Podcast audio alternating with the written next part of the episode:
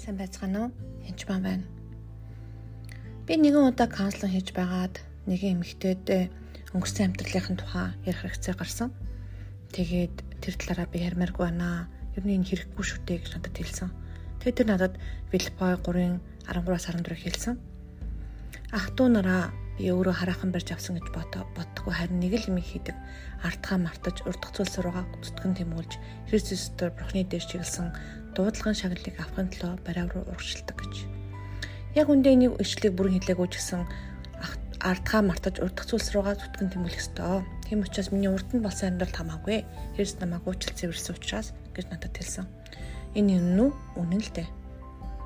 Гэхдээ энэ утга юу нь ямар утгатай юм бэ гэхээр Эфес 4:28-ыг олж бай. Хулгайч хүн цааш тулгаа бүхий.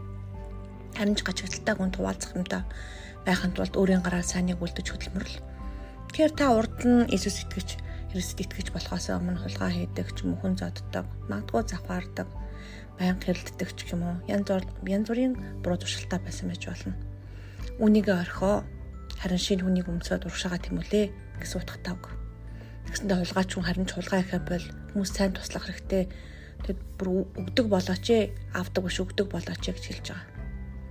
Харин зарим үед үнэхээр бид нар ийм бие махбодож харах хүссэн байдаг энэ биднэрт хүлээс болдог. Хин нэг нэг уучлааг үлдээсэн, хин нэгэнд үнээр гомцсон явдал маань цааш бид нар ариун байдал руу тэмүүлэхэд гай болдог. 2 дугаар Коринтын 7-оос 1-ийг хэлж өгье. Хайртууд минь ээ, эдгээр амлалт байгаа тул бид өөрсдөө махуудын ба сүнсний бүх хэл бохроос цэвэрлэе. Ингэхдээ Бурханаас имэж ариун чанарыг төгс болгоё. Бидний ариун чанарт ариун болох Иесус Христ рүү дөхөх тусам дөхөх гэж орлох тусам бидэрт уучлааг уулзсан хүмүүс, гомдол, хүүхэд насны трама гэд олон зүйл нөлөөлж байдаг. Мөн түнчлэн бид нар сүнсний цэвэрлэгээ хийх шаардлагатай болдог.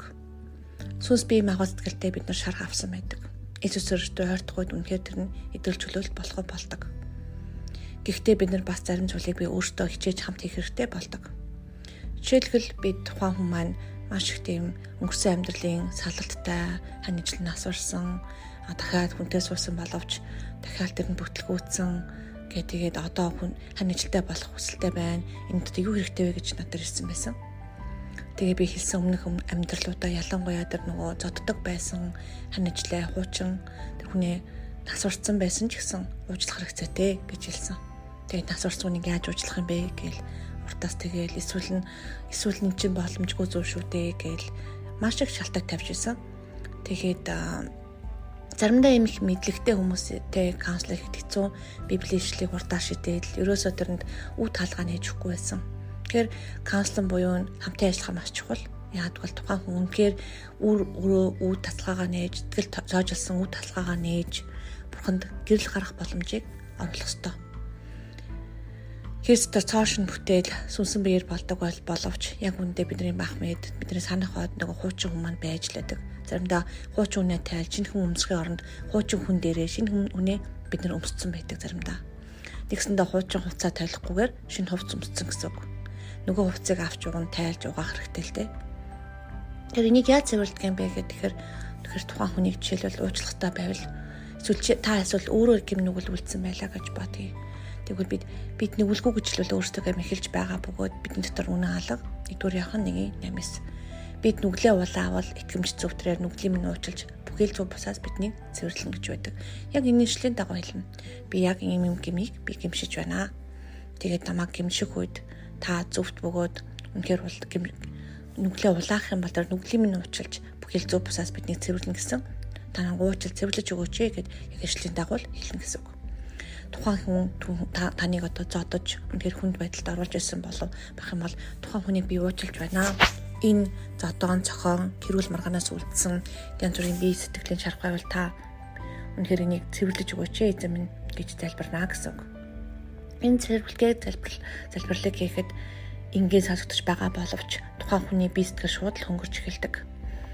Заримдаа би ихэнх үедээ өөр дөрийн цэвэрлэгийг хийдэг байсан. Хитэн цагаар хүртэл хийдэг байсан шүү уучлал гомдол янз бүрийн байх вэ гэж зүйлдээ бол тэрийг баасгасан одоо бол би зөвхөн хаяа санах үедээ хийдэг. Үнэхээр хин нэгэнд би буруу үйлс хийсэн байх юм бол тэр даруйдаад гимшиж улаад цэвэрлдэг. Гимшил гэдэг бол маш чухал зүйл. Бурханд биднэрт бидний гимшин даруй сэтгэлээр ойртох үед биднийг цэвэрлэж уучлж өгдөг. Тэгээд уучлал ба цэвэрлэл цэвэрлэгээ бас тусдаа зүйл шүү. Уучлал гэхээр хүмүүс их хөвтэй би уучлсан шүү дээ гэж хэлсэн байдаг. Тэгтээ цэвэрлэгээ цэвэрлэж өгнө үү гэж бас хэлээгүй байдаг. Ялгаатай ялгаатай. Жишээлбэл маад хүн ирээд явжээ. Хүн ирээд баяртайгээд явцсан. Аа дараа нь тэр хүний дараа эдсэн усан ч юм уу хоол тав магнд бүгдээрээ үлдсэн байж болно. Тэдний цэвэрлэгээ гэсэн үг. Тэр хүн орж ирэхээс өмнө ямар байсан цэвэрхэн байсан бол гараад явхад нь янз бүрийн юм үлдсэн байх юм бол тэр цэвэрлэнэ гэсэн үг. Хүний амьдрал зөв муу мухам зөндөөл басан байдаг. Тэрийг уучлсан цэвэрлэх явдал бол үнэхэр чухал шүү. Энэ үнэхээр таныг урагшаага Иесус Христ рүү ойртоход садаа болж байдаг зүйл. Үл уучлал, гомдол хоёр.